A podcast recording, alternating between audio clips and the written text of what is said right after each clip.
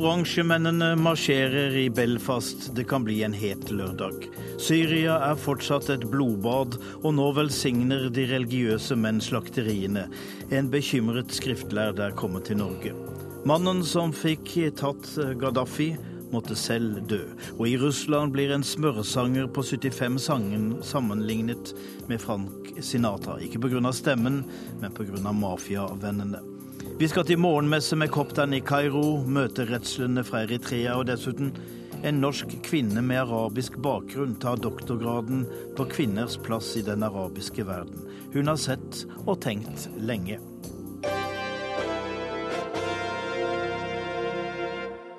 Dessuten kommer det et korrespondentbrev. Det kommer fra, Bru fra Brussel. Forresten, god formiddag. Du lytter til Verden på lørdag, og jeg heter Tom Kristiansen. Vi skal først til Somalia, fordi den ytterliggående opprørsbevegelsen al-Shabaab, som vi hørte i nyhetene, de har trukket seg ut av den viktige havnebyen Kismayo. Fra før er de blitt jagd fra hovedstaten Mogadishu og Sunnano, La Sigurd Sunnano, som er vår Afrikakorrespondent. Hvor skal disse soldatene gjøre av seg nå? Nei, de drar ut på landsbygda og, og holder seg da i områder som ennå ikke er uh, inntatt av uh, de fredsbevarende eller fredsskapende styrkene fra Den afrikanske unionen og Somalias egen hær, og også da soldater fra, fra Kenya. Så de, de, holder fortsatt stand i en lang rekke områder i den sentrale og sørlige delen av Somalia. Men kjemper de med ryggen mot veggen? Er de på vei ut? De gjør nok det. De har ikke lenger eh, holdepunkter i de store byene i Somalia. Og tapet av havnebyen Kishmayo er svært viktig for dem. Eh, ikke minst fordi dette har vært bevegelsens kanskje viktigste inntektskilde. All trafikk inn og ut av havnen i Kishmayo, ikke minst av trekull som er blitt eksportert til Midtøsten, er blitt avgiftsbelagt av bevegelsen. Nå blir disse pengene borte. Og Det samme gjelder også pengebidrag fra ytterliggående islamistiske grupper og bevegelser internasjonalt og privatpersoner. De har nå mer enn nok med å finansiere islamistiske opprørere andre steder i verden, som f.eks. i Syria. og Mange observatører mener derfor at Al Shabaab som maktfaktor i Somalia gradvis vil avgå ved døden i løpet av et par års tid pga. pengemangel, og fordi bevegelsen nå møter en stadig tøffere militær motstand fra Somalias egen hær og den internasjonale Amisom-styrken. Lars Sigurd Sunnanå, takk for uh, denne innsikten. Og vi skal videre til en ganske annen del av verden. For i dag er det fløyter, spill, bandolærer og marsj i Belfast i Nord-Irland. Men det blir ingen festdag. Opprinnelig var oransjemennene, denne protestantiske brorskapsbevegelsen, en fredelig og from bevegelse. Men eh, væpnet med oransje sløyfer marsjerer de nå rett gjennom de katolske områdene av byen, og de blir ikke møtt med hurrarop.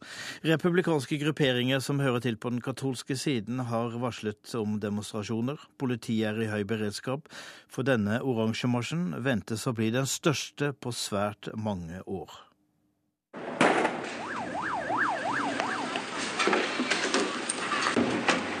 Dette er Belfast by night for nøyaktig fire uker siden. Igjen flyr flasker, brannbomber, murstein og fyrverkeri gjennom lufta.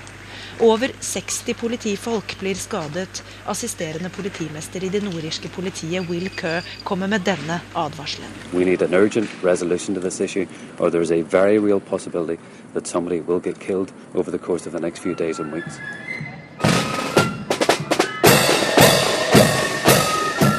Det er dette som setter de nordirske sinnene i kok, gang på gang. Oransjeordenens parader gjennom katolske områder av Belfast. Og i dag skjer en av de største marsjene på veldig mange år. Det er ventet at opp mot 30 000 er med i paraden. Ingen vet hvor mange som kommer for å se på.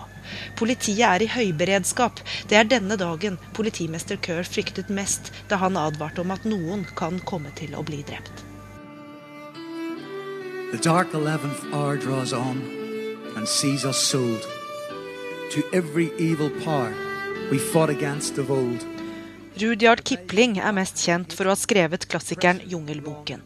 Her hører vi diktet 1912, som viser til kampen for britisk herredømme over Irland. Det er den kampen nordirske unionister i dag, 100 år senere, marsjerer gjennom Belfasts gater for å markere.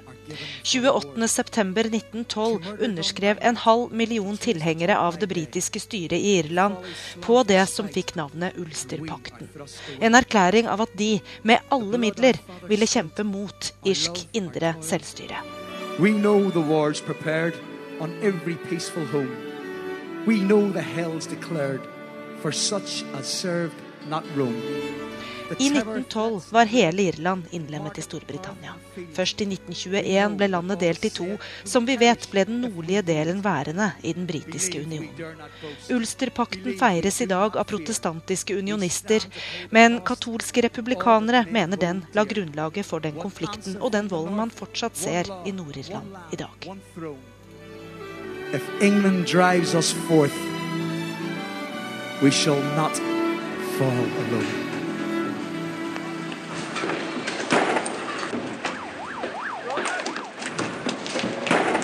Siden opptøyene i begynnelsen av september har det vært samtaler og dialogforsøk på alle nivåer.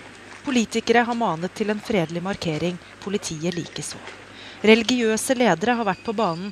Den nordirske paradekommisjonen har gitt restriksjoner og regler for dagens marsj.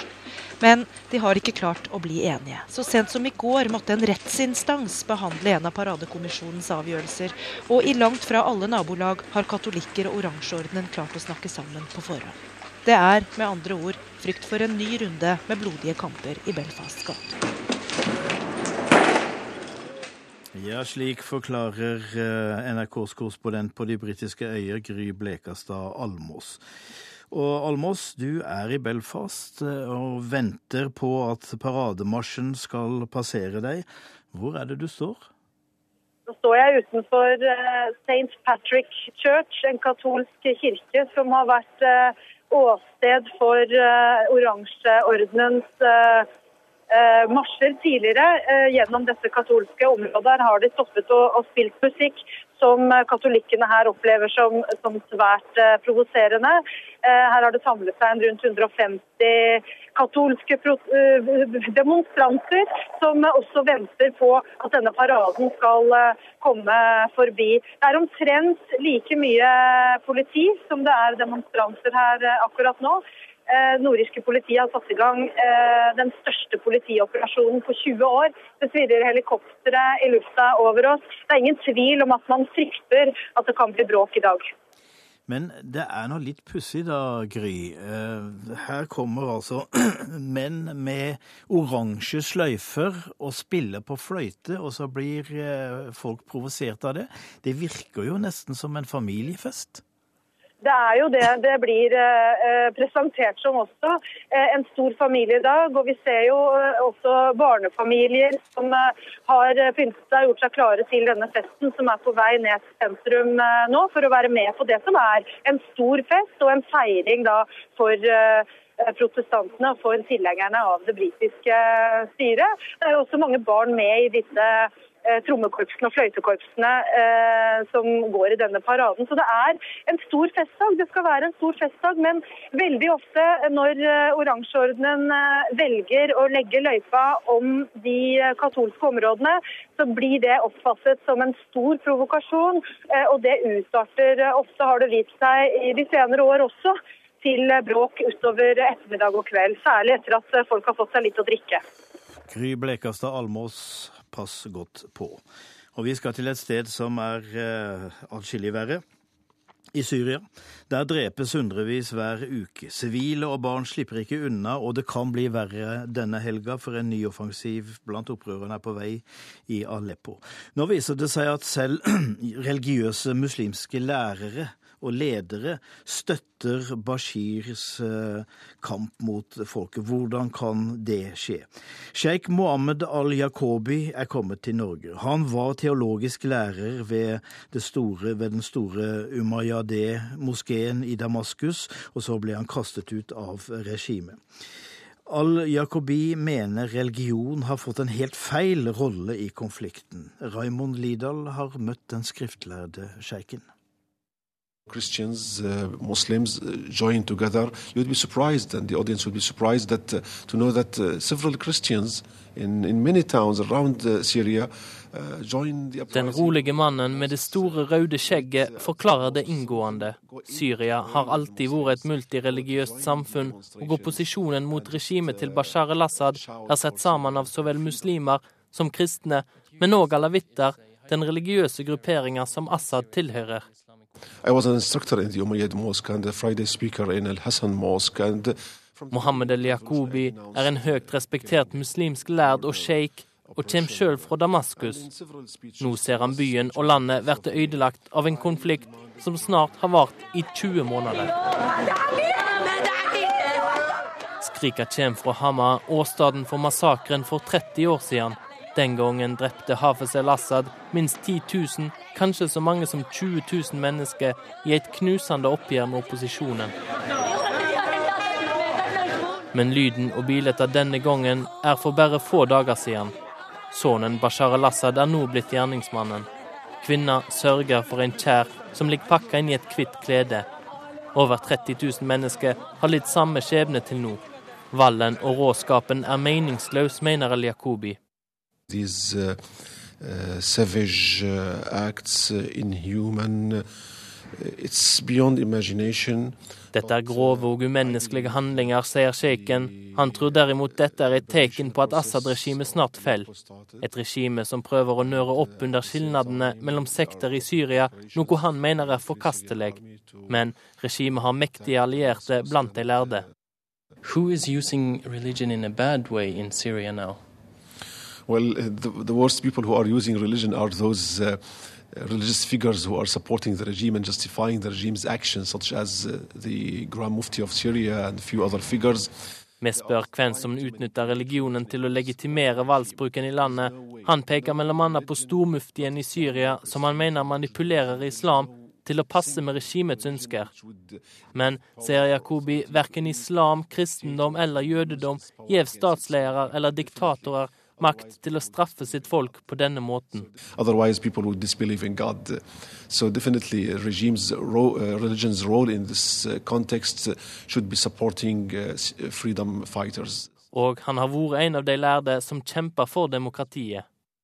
ولا يريد الشعب بالمطالبة بحقوقه الانتقال من الصف المقاومة إلى صف الإمبريالية denne talen holdt han i Damaskus 6. mai i fjor, i Al-Hassan-moskeen. Han går sterkt ut mot Assad-regimet og nekter å la seg bøye av sensurpolitiet i landet. Det var òg det siste han gjorde før han fikk sparken. From the beginning of the revolution, I denounced uh, killing and murder. Jeg har krevd at regimet skal stoppe alle militære operasjoner siden starten av opprøret, sier han. Han nevnte òg et døme på regimets overtramp i talen. The same day, I received a phone call from the Ministry of Religious Affairs uh, telling me that I'm banned from public speaking, I'm banned from teaching. Samme dagen fikk jeg en telefon der personen forklarte at jeg hadde fått forbud mot å tale offentlig. Etter det måtte jeg ryme ut av landet. Han bor nå i eksil i Marokko. Likevel, en av regimets aller sterkeste kritikere er optimistisk med tanke på framtida. Han spår at Assad har maksimalt tre måneder igjen. I think it's the beginning of the end of the regime. Within probably two to three months now, we're going to see the collapse of the regime. There will be after darkness, always there will be some dawn coming and light uh, coming.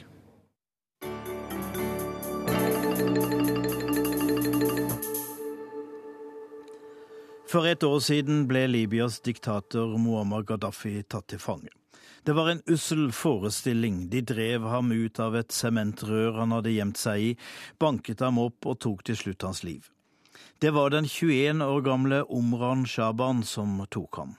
Men han ble ingen krigshelt. Onsdag denne uke ble han gravlagt i Misrata. For mens krigen var over for de andre, var den ikke slutt for ham. Morten Jentoft forteller historien om hva som skjedde med Gaddafis banemann.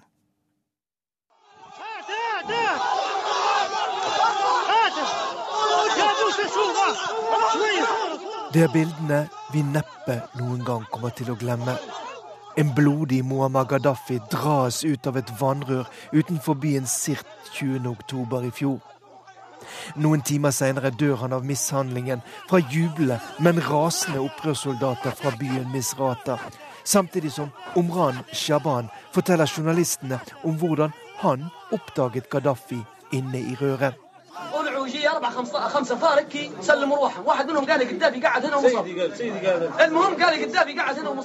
Jeg så Muammar Gaddafis bustede hode, og jeg satte meg oppå ham, fortalte Omran Shaban, som etter dette ble en helt for alle dem som slåss for å styrte mannen som i mer enn 40 år hadde styrt det oljerike landet i Nord-Afrika. Men tirsdagskveld denne uken kom et fly til flyplassen i Misrata med båren til Omran Shaban. Dagen før hadde han dødd på et sykehus i Paris. Av skadene han hadde fått etter at han i sommer ble tatt til fange av ukjente menn fra nabobyen Bani Walid. Det var ingen frigjøring av Libya etter Muammar Gaddafi ble tatt til fange og drept i fjor, sa Omran Shabrans bror Hussein etter begravelsesseremonien på fotballstadion i Misrata på onsdag. Det er folk i Bani Walid som ønsker Gaddafi tilbake, og det var de som kidnappet min bror, sa han bittert. For det som skjedde med Omran Shaban, forteller mye om de motsetningene som fremdeles finnes under overflaten i Libya, snart ett år etter Gaddafis fall. Misrata vil gjerne, og nok med rette, framstå som i denne sangen som byen som sto opp mot Gaddafi og til slutt tok knekken på ham og hans støttespillere. Men i det tradisjonelle stammesamfunnet Libya er det ikke alle som liker at de har mistet de privilegier de hadde under det tidligere styret. Og mange av dem finnes i byer som Sirt og Bani Walid. Og det var altså nettopp utenfor Bani Walid Omran Shaban i sommer ble kidnappet, og først satt fri nå i begynnelsen av september, etter forhandlinger ledet av formannen i nasjonalforsamlingen i Libya, Mohammed Magarif. Da var Shaban i svært dårlig forfatning, og selv ikke franske leger kunne redde ham. Tusenvis av mennesker hyllet Omran Shaban under begravelsen i Misrata på onsdag, og regjeringen i Libya lover at de skal gjøre alt de kan for å få straffet dem som kidnappet og mishandlet ham. Samtidig truer tidligere opprørssoldater å ta saken i egne hender og dra til Bani Walid for å finne dem som mishandlet Omran Shaban. Sammen med uroen i byen Benghazi etter drapet på den amerikanske ambassadøren 11.9, er dette nok et eksempel på at Libya har et stykke å gå før den frihet og stabilitet mange drømte om under opprøret i fjor, er en realitet.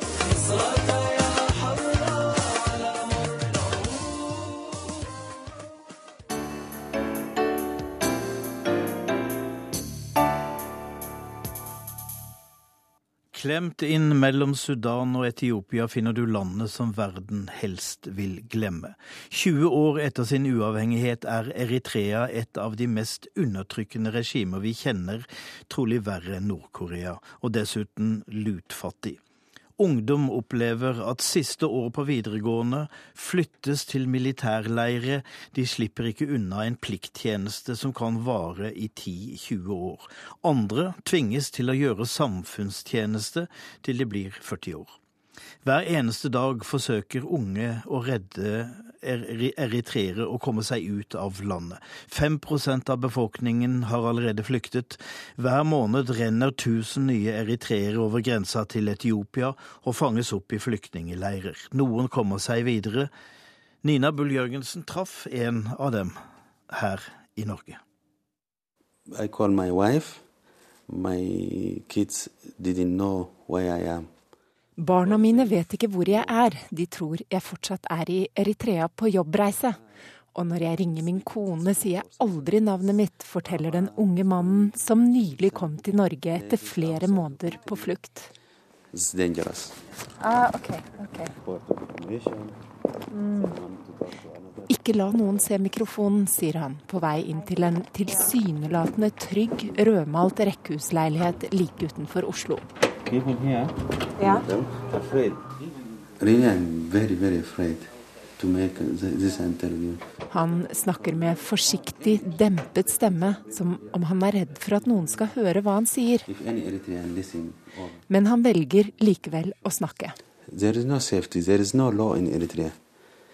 They can cut you at any time, put you in the uh, jail for any reason. Du blir kastet i fengsel for hva som helst.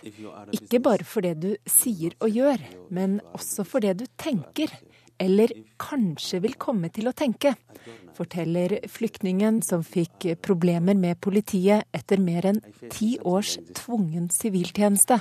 Day uh, morning, soldiers come to my house. Ordet ytringsfrihet eksisterer ikke i Eritrea. Det fins ingen frie media. Absolutt alt som skrives eller sendes på lufta er kontrollert av staten. Ifølge Reportere uten grenser er situasjonen i landet verre enn i Nord-Korea.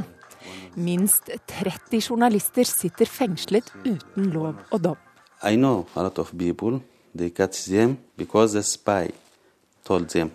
Fengslene er overfylte, sykdommene florerer, de får knapt nok mat, og de fleste blir torturert på grusomste vis. Fire av journalistene skal allerede være døde. Samtidig får eritreerne servert disse bildene på den statlige TV-kanalen Eri Tilsynelatende glade og jublende eritreere hyller sin leder, president Isayas Aferki.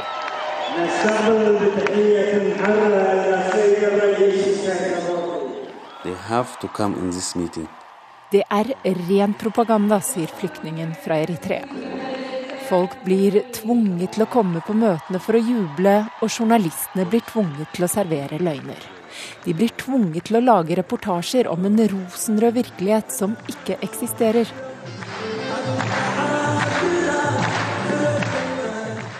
Den virkelige virkeligheten er at folket sulter og lider. Da Eritrea vant sin uavhengighet fra Etiopia i 1991, så mange eritreere lyst på fremtiden. Men etter flere kriger og konflikter med naboland som Jemen, Sudan og Etiopia, er landet nå et av verdens fattigste. I stedet for å sørge for brød til folket, bruker regimet det meste av pengene på Forsvaret. Og på å sponse terroristorganisasjoner som Al Shabaab i Somalia, hevder USA og FN.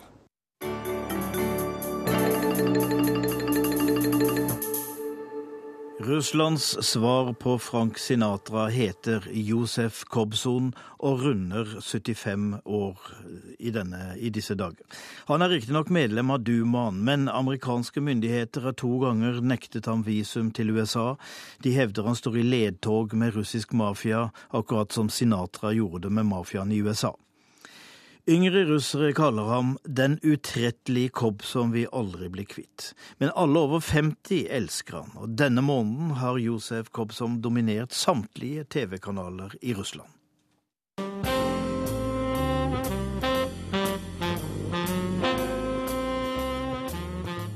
народный артист Советского Союза, депутат Госдумы Иосиф Кобзон.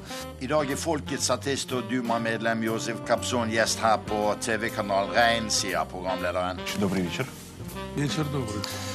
Et god kveld fra den berømte smørtenoren betyr mye for hans publikum, denne Russlands svar på Frank Sinatra. Og likhetspunktene er mange. Som Sinatra er Kabzon tenor. Som Sinatra var skallet og gikk med parykk, gjør Josef Kabzon det samme. To ganger og nå sist sommer ble Josef Kabzon nektet innreise til USA. For denne russiske megastjernen påstår amerikanske innvandringsmyndigheter står i ledtog med russisk mafia. Som Sinatra var beryktet for sine mafiaforbindelser i USA i sin tid. En av Kabzons beste venner er Jurij Lusjkov, som ble avsatt som borgermester her i Moskva av Russlands president, fordi presidenten hadde mistet tilliten til borgermesteren. Borgermester Jurij Lusjkovs kone står nå i fokus for et eiendomsbedrag i 5 milliarder kroners-klassen som har ført til at sjefen for Moskvas bank er på vill flukt i vest fra russisk politi. Men Kabzon sa nylig på TV at han fortsatt regner Moskvas falne borgermester som sin nære venn. Men folket tilgir Josef Kabzon når han drar den kjente sangen 'Øyeblikket' fra den sovjetiske, patriotiske spionfilmen 'Stirlitz'.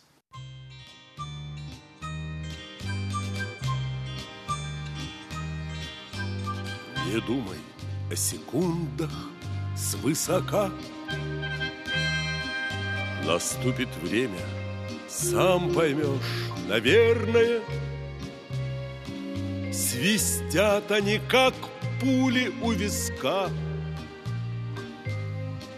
Мгновение, мгновение, мгновение, мгновения спрессованы в года.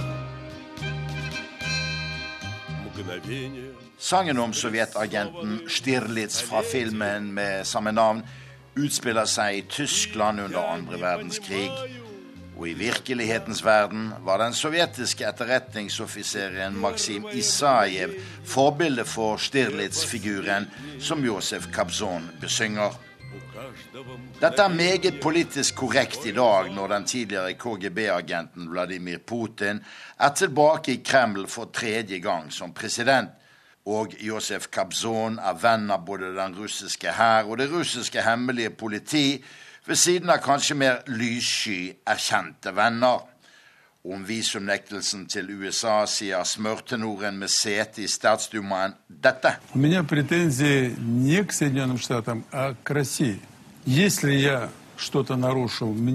Det er ikke De forente stater, men Russland jeg protesterer overfor nå. For dersom jeg har brutt noen lov, så må det ordnes opp, og jeg må straffes. Men har jeg ikke gjort noe galt, skal mine rettigheter og ære som borger forsvares av mitt eget land, sier tenoren Josef Kabzon her. Denne yndlingen til de litt mer voksne russerne, og særlig voksne damer, er stolt av at han er jøde. I utallige talkshow viet Kabzons 75-årsdag denne måneden har mange stått frem og fortalt hvordan den steinrike Josef Kabzon hjalp dem i nød med legeutgifter og andre ting. Kabzons hustru, som trofast har stått ved hans side i mange, mange år, ser på ham med stjerneblikk. Og alle russiske jenter over 50 år med rustfarget hår eller falskt blondt hår sukker hengivent når Josef Kabzon, som de yngre helst stønner av, synger duett om det gamle lønnetreet, men med en langt, langt yngre dame i en av Moskvas store konsertsaler direkte på TV.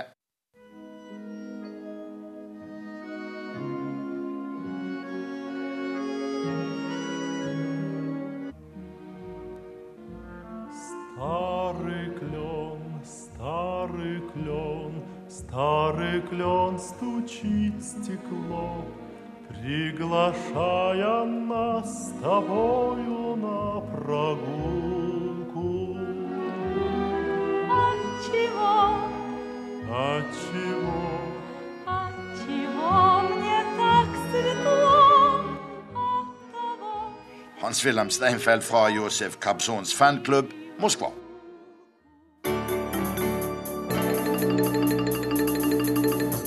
Klokka har passert halv tolv, du hører på Verden på lørdag. Videre skal vi høre om kopterne i Kairo, kvinnenes plass i den arabiske verden, og vi åpner dagens korrespondentbrev som kommer fra Brussel.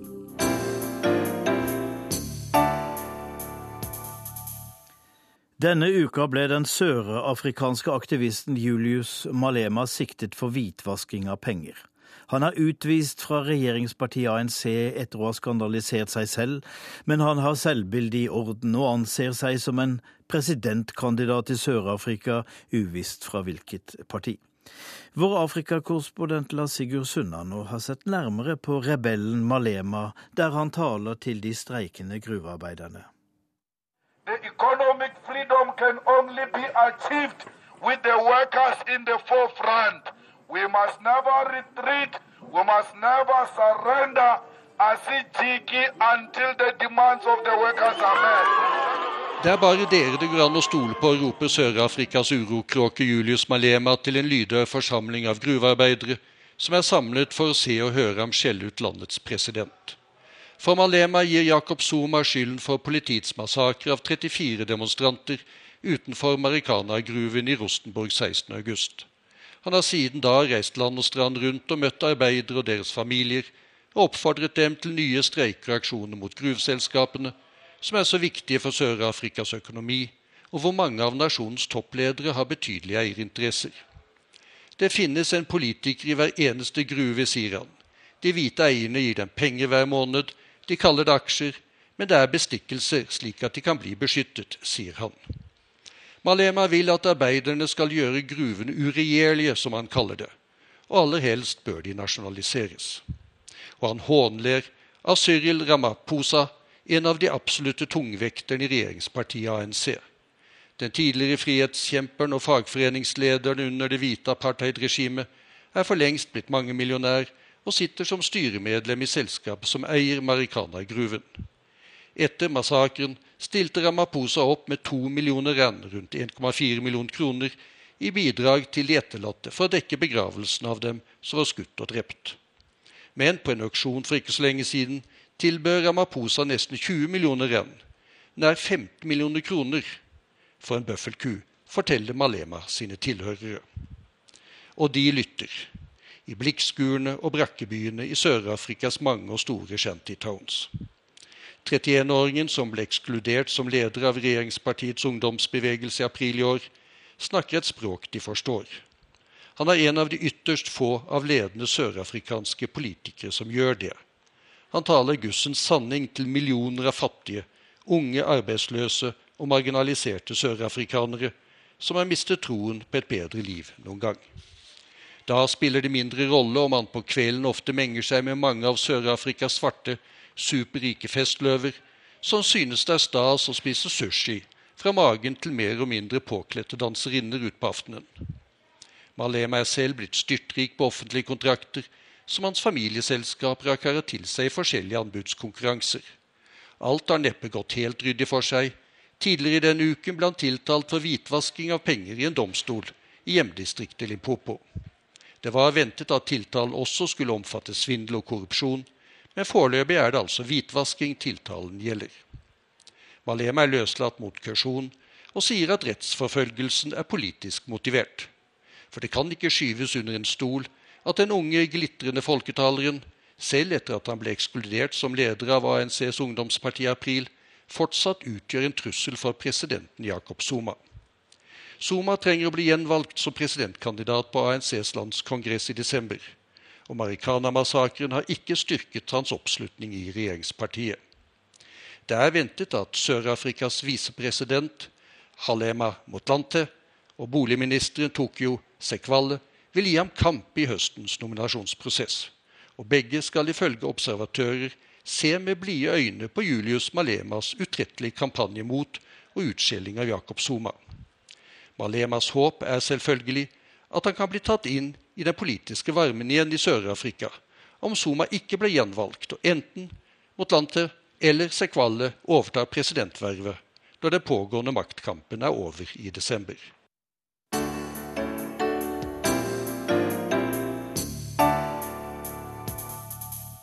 Vi skal til kopterne i Egypt. Det er det eldste kristne samfunn som historien kjenner til. Det er fem millioner av dem, og de er omstridt. De ble oppfattet som en støttespiller for det fallerte regimet i Egypt. Deres kirker er blitt brent og medlemmer herjet med, og nå har de fått en ny bekymring. Det er nemlig en kopter i USA som står bak filmen som håner Mohammed. De er av gode grunner bekymret for sin egen sikkerhet. Men vår reporter Øyvind Nordborg gikk likevel til morgenmesse hos kopterne i Kairo. Prester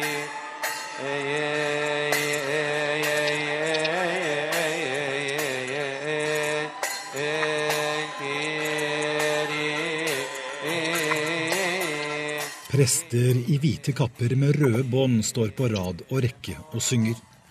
Opp altergangen bærer en prosesjon et stort gullkors, og folk i menigheten strekker seg for å ta på det røde båndet som er bundet rundt korset. Et forheng blir dratt til side. Et stort maleri av Jesus som sitter på en gullstol, kommer til syne. Det gjør også El Baba, presten i sort kappe med sort hatt og et sølvkors hengende ned over magen.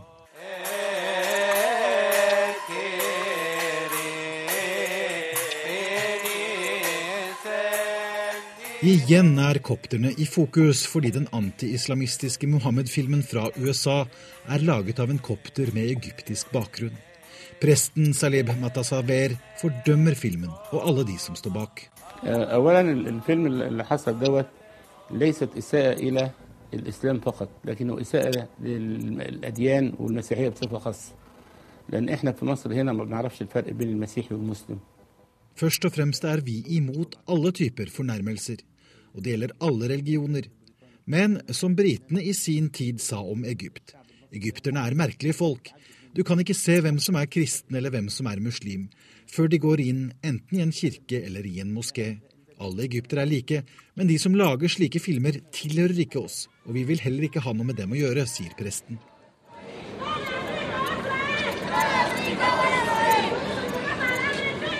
Politiet brukte tåregass mot demonstranter som kastet stein og angrep USAs ambassade på Tahrir-plassen i forrige uke. Filmen som portretterte profeten Mohammed som en voldelig og pervers person, såret mange.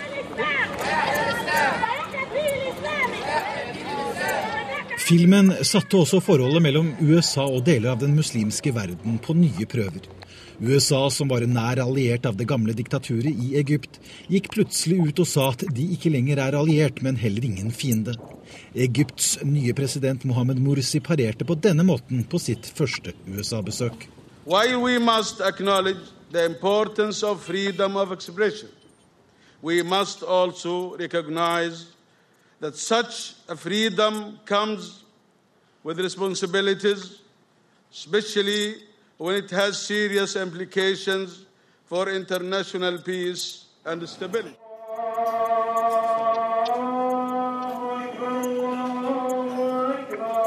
Egypt er blitt kalt i mange tusen minareters by, men muslimenes bønnerop har lenge vært hørt sammen med kopternes klokker.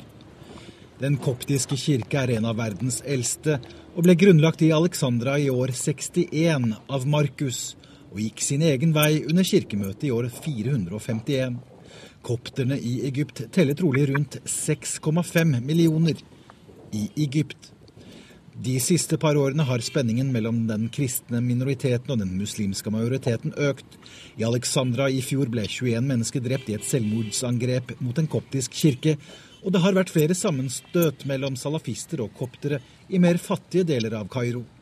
Navin Helmi Malek er ivrig med i menigheten. Do you think that things are different now after for the Coptic?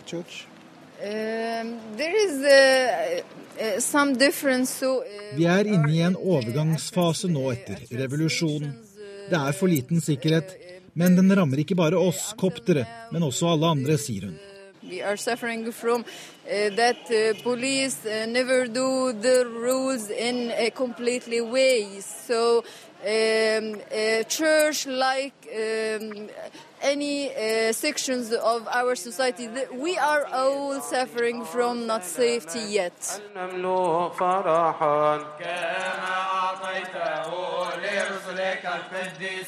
El Baba Pateren sitter ved sin kontorpult. Ved siden av står en porselensfigur av Jesus. På veggen henger det et glorete juletre. Det var han som til slutt måtte ut i gatene og stanse de voldsomme sammenstøtene mellom konservative islamister og koptere utenfor TV-bygningen i Kairo for et år siden. Egypts nye makthavere har sagt at de vil ha sharialovgivning som fundament for all lovgivning, men ingen vet helt hvordan det vil slå ut.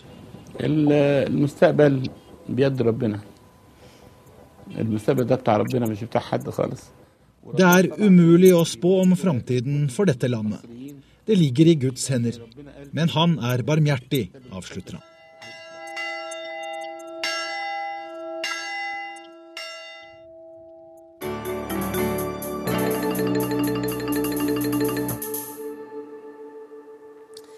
Hvor blir det av kvinnene i den arabiske våren? Vi så dem på Tahrir-plassen i Kairo og i gatene i Tunis i fjor. Men siden er det stort sett menn som har vist seg fram. Dette er et av de temaer som statsviteren eh, Rania Maktabi berørte da hun forsvarte sin doktorgrad i statsvitenskap i Oslo i går. Doktor Maktabi, jeg gratulerer med graden. Tusen takk. Hvor er det blitt av damene? Hvor eh, tok de veien? Damene de er blitt hysjet ned. Eh, Delvis er det en selv, selvsensur som foregår, fordi man tenker nå er det noe annet som er i gang. Og det Mangel er på selvtillit, da, kanskje? Nei, også en, en ja, altså, Nei, jeg vil ikke si selvtillit. Jeg tror det er nå en fase. Nå er vi i en overgangsfase. Og eh, transisjonsteorier, nå er jeg litt teoretisk her, ja, kom igjen. her eh, sier noe om at i overgangsfaser så er det veldig mange baller opp i lufta. Politiske baller, nye regler eh, som skal formes. I Egypt er det jo et fantastisk teaterstykke nå, hvor konstitusjonen endres, armeen er inn, hæren spiller en rolle. Eh, vi har uh, ulike typer religiøse grupper, noen som uh, ikke legger bånd på seg, salafister.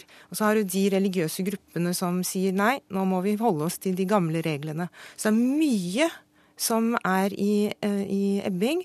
Og kvinnesaker, såkalte kvinnesaker, som jeg i min aning sier jo ikke er kvinnesaker. Dette er helt sentrale demokratiske spørsmål. De blir jo da eh, satt til side og kalt for kvinnesak. Mens det egentlig er demokratiske rettigheter som egypterne, alle egyptere vil nyte godt av. At mennesker, både kvinner og menn, kan uh, bli behandlet likt. Men du har jo også tenkt og skrevet om hvorfor kvinnene har hatt vanskelig for å komme seg fram i den arabiske verden, i Midtøsten. Skyldes det arabiske menn, eller skyldes det Mohammed? Det er mange ulike, uh, ulike grunner. Uh, det er ikke arabiske menn, og det er ikke islam. Og, men det er spenningen mellom hva som defineres som politikk, og hva som defineres som religion. Nå er jeg jo ingen religionsviter, og heller ikke um, en som kan så forferdelig mye om de ulike retningene innenfor de ulike religionene. Men som statsviter så vi, har vi den fordelen at vi, vi, vi ser på, på, likhetene i de ulike religiøse retningene, og så ser vi det på politiske, det politiske nedslagsfeltet for de eh, likhetene. Og hva ser og, du da? og da ser vi det at, at i hver arabisk stat så er det ulike konstellasjoner for hvem som har politisk og hvem som har religiøs makt. Og så ser vi ulike typer allianser. Og det vi ser, er at i noen stater så er eh, statsmakten har alliert seg med eh, religiøse grupper på en måte som virker veldig konservativt. Vi kjenner det noe igjen i Polen. Du har den katolske kirken som sam, har sterke tilknytninger til en konservativ uh, politisk uh, elite. Og sånn har vi det i Midtøsten. At vi har en statsmakt som har alliert seg med konservative religiøse retninger innafor de ulike trossamfunn. Og jeg er veldig opptatt av å ikke bare se på islam. Er opptatt av å se på de religiøse retningene islam, kristendom, jødedom. Fordi jeg behandler to stater som er fascinerende i sin multireligiøsitet, og det er Libanon og Syria. Og så sammenligner jeg med to majoritetsstater, som er Egypt og Marokko. Hvor da brorparten er muslimer, i hvert fall i Marokko, men selv om vi har selvfølgelig en veldig stor kristen gruppe i Egypt. Og der ser vi ulike ulike er forskjellene? Forskjellen er at i Marokko og i Egypt så har, kan man si, religionen blitt temmet via det juridiske systemet. Der har vi ett uh, enhetlig um, uh, juridisk um, rettsvesen som behandler menneskers uh, viktigste saker som, som, som berører mennesker, og det er det som kalles for familierett.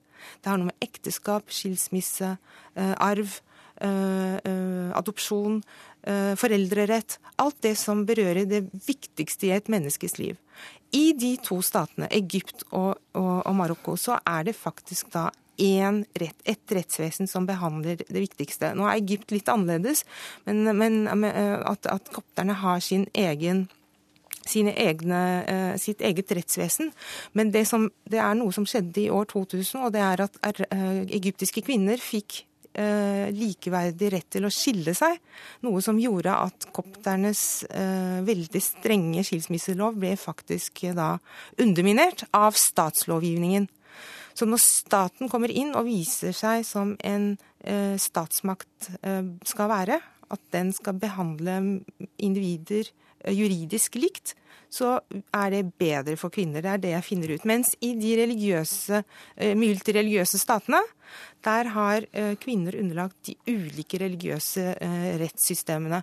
Og, og en, en, kristen syrer behandles annerledes enn en muslimsk shia, enn en muslimsk sunni. Og, og, og, det er ikke bare kvinner, det er jo selvfølgelig menn, men kvinner lider mer av det systemet enn menn. For kvinner går ikke ut i arbeidslivet. Menn går ut i arbeidslivet blir uavhengig økonomisk, mens kvinner blir veldig avhengig av menn. Og, og, og, når halvparten av befolkningen blir så veldig avhengig av menn, så betyr det at det er et enormt demokratisk underskudd i disse statene. Tida går her, men du nevnte en overgangsperiode. Hva ser du for deg etter den overgangsperioden? Ser du kvinner som deltar i arbeidslivet, politikken, kommer seg ut av hjemmet? Ja, det er veldig mange kvinner som deltar i arbeidslivet, og det er økende. De siste 20 åra har jeg sett at arabiske kvinner har uh, har begynt å delta i arbeidslivet mye mer enn det de gjorde før. Så det er en enorm økning der.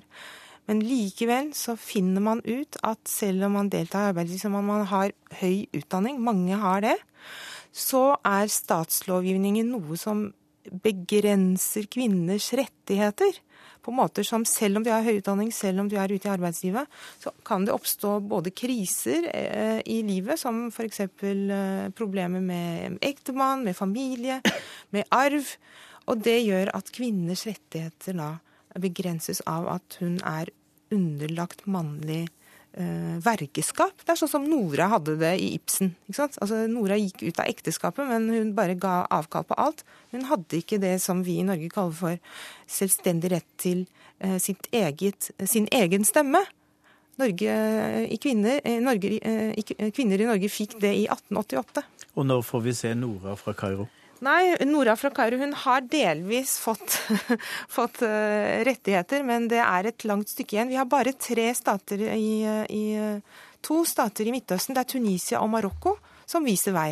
Det er det som, så Ut fra min analyse så ser vi at de viser vei. Egypt er delvis uh, på gang, men, uh, men tidsperspektivet her, det er det vet vi jo ikke, men vi vet at det er mulig. Og vi vet at hvis Tunisia og Marokko har gjort det, i Tunisia i 1956, Marokko i 2004, så er det mulighet, og det er håp.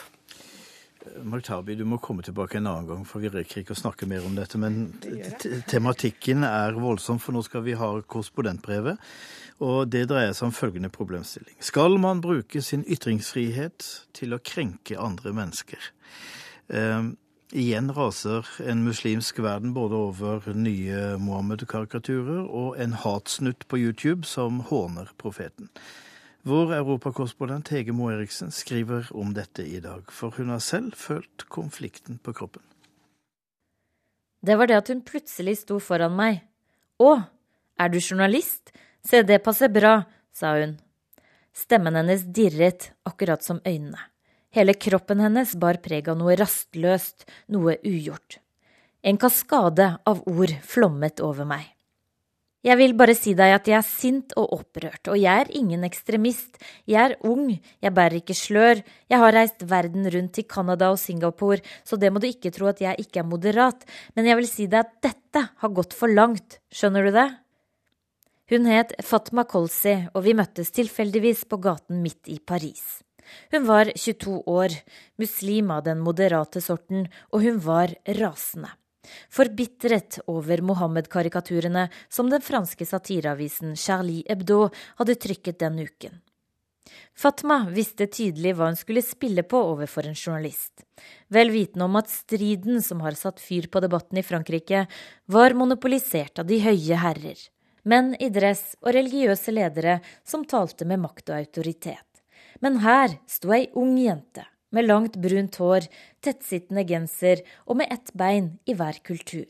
Halvt tunisisk, halvt fransk. Født og oppvokst på fransk jord og flaskefødd på Den franske republikks kjerneverdier. Men Fatma var rasende. For likhet, brorskap og frihet gjaldt ikke for henne, sa hun. Hun følte seg bare tråkka på. Synet av Fatma brakte minnene tilbake til en tid hvor jeg selv hadde fått føle vreden, og havnet midt oppi en kamp som ikke var min. En kamp hvor jeg var målskiven. Det var en kjølig januardag for seks år siden, i 2006. Med to fulle kofferter satte jeg meg på flyet med kurs mot Midtøsten. Jeg skulle flytte til Ramallah, palestinernes hovedstad på det konfliktfylte Vestbredden, for å studere arabisk. Jeg hadde akkurat landet og lette rådvill etter en buss til Ramallah da det tikket inn en kryptisk melding fra onkelen min på mobiltelefonen. Han skrev at han håpet at det gikk bra, at jeg ikke måtte bli skremt, og at ryktene sikkert var overdrevne. Jeg skjønte ikke hva han mente. Først dagen etter fikk jeg vite at islamister på Gaza delte ut løpesedler på gata med beskjed om å angripe nordmenn og dansker på grunn av trykkingen av Mohammed-karikaturer. Den danske avisen Jyllandsposten og den kristne avisen Magasinet hadde satt araberverden i brann. Plutselig ble oppholdet på Vestbredden snudd på hodet. I løpet av få dager eskalerte situasjonen. Ambassaden var urolig og ba oss om å forlate Ramallah.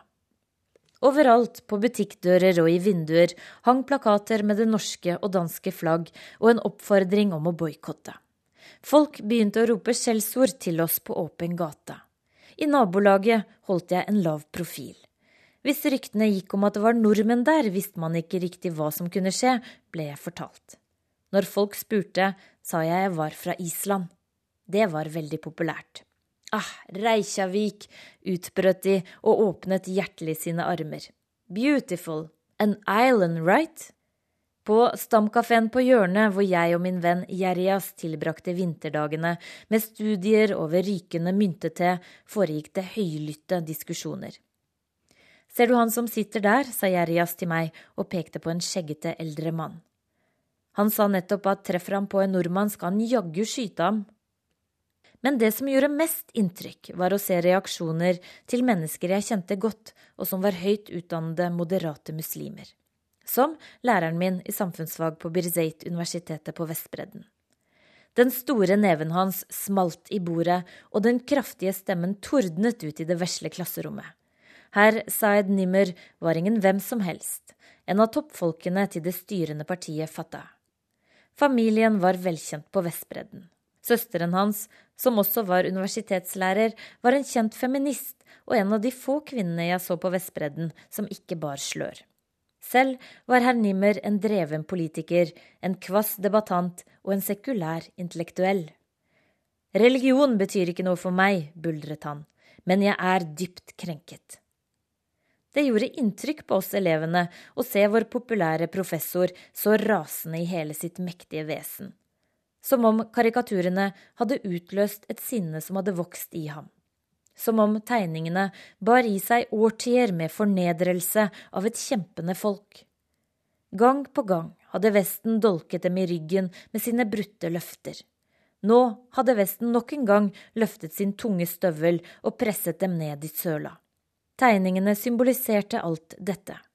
Derfor følte han seg krenket av noen skarve skriblerier i to avisblekker tusenvis av kilometer unna.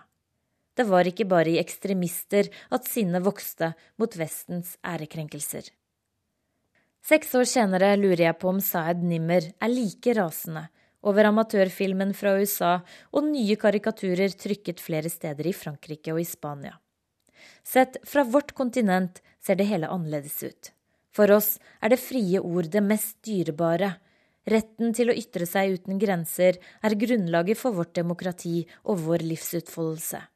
Derfor står vi vantro, som vi jo mange er, og ser TV-bildene fra brennende kamper langt, langt unna. Vi ser hordenes raseri, deres blodsutgytelse, reaksjoner fullstendig utenfor vår kontroll. Det er ganske idiotisk å angripe noen på grunn av en tegning, sier belgiske Alexi Mesror. Han er mild i blikket. Vi sitter i et enormt industrilokale midt i Brussel. Rundt oss er det stands med utsalg av abaya-kjoler, bøker om islam, slør med gullbroderte mønstre, det lukter røkelse og det rigges og ordnes overalt. For første gang arrangeres det en gigantisk islammesse for Belgias nær 700 000 muslimer. De fleste av dem har et annet syn på striden enn sine trosfeller i araberverden. Jeg skjønner ikke helt poenget med å trykke tegningene nå, men de gjør det hvis de har lyst. Men det å reagere med vold er ikke bra. Det er som å gi dem rett. Som om man bekrefter stereotypiene som fremmes av karikaturene, sier Mesror. Dette er land hvor folk ikke er frie, hvor de ikke kan uttrykke seg fritt. Kanskje er volden den eneste måten de har for å bli hørt, hva vet jeg, sier han. Le, for Guds skyld, står det på hjemmesiden til satireavisen Charlie Hebdo. Sjefredaktør Stéphane Charbonnier nekter å la seg kue, mens debatten om karikaturene han trykket, raser videre. Charbonnier skriver sin forsvarstale i beste satireånd på nettet. Tegn en salig Mohammed, og du dør. Tegn en gøyal Mohammed, og du dør. Tegn en heslig Mohammed, og du dør. Stå imot religiøs terror, og du dør. Forsøk å debattere med en ekstremist, og du dør. Loven har gitt oss friheten til å more oss uten forbehold. Den systematiske volden fra ekstremister gir oss den samme friheten. Takk, gærninger. Avisen har overlevd trusler, søksmål og bensinbomber tidligere. Men denne gangen gikk det roligere for seg på fransk jord. Riktignok kunne det delvis skyldes at franske myndigheter forbød demonstrasjoner i tiden etter trykkingen. Selv ikke i Frankrike er alle ytringer velkomne. Verden på lørdag er slutt. Og skulle du få lyst til å høre noe igjen, så kommer en kortversjon klokka 16.40, da også med korrespondentbrevet. Teknisk ansvarlig for denne sendinga har vært Lisbeth Sellerette, skript Oda Holm Gulbrandsen, og jeg heter Tom Christiansen.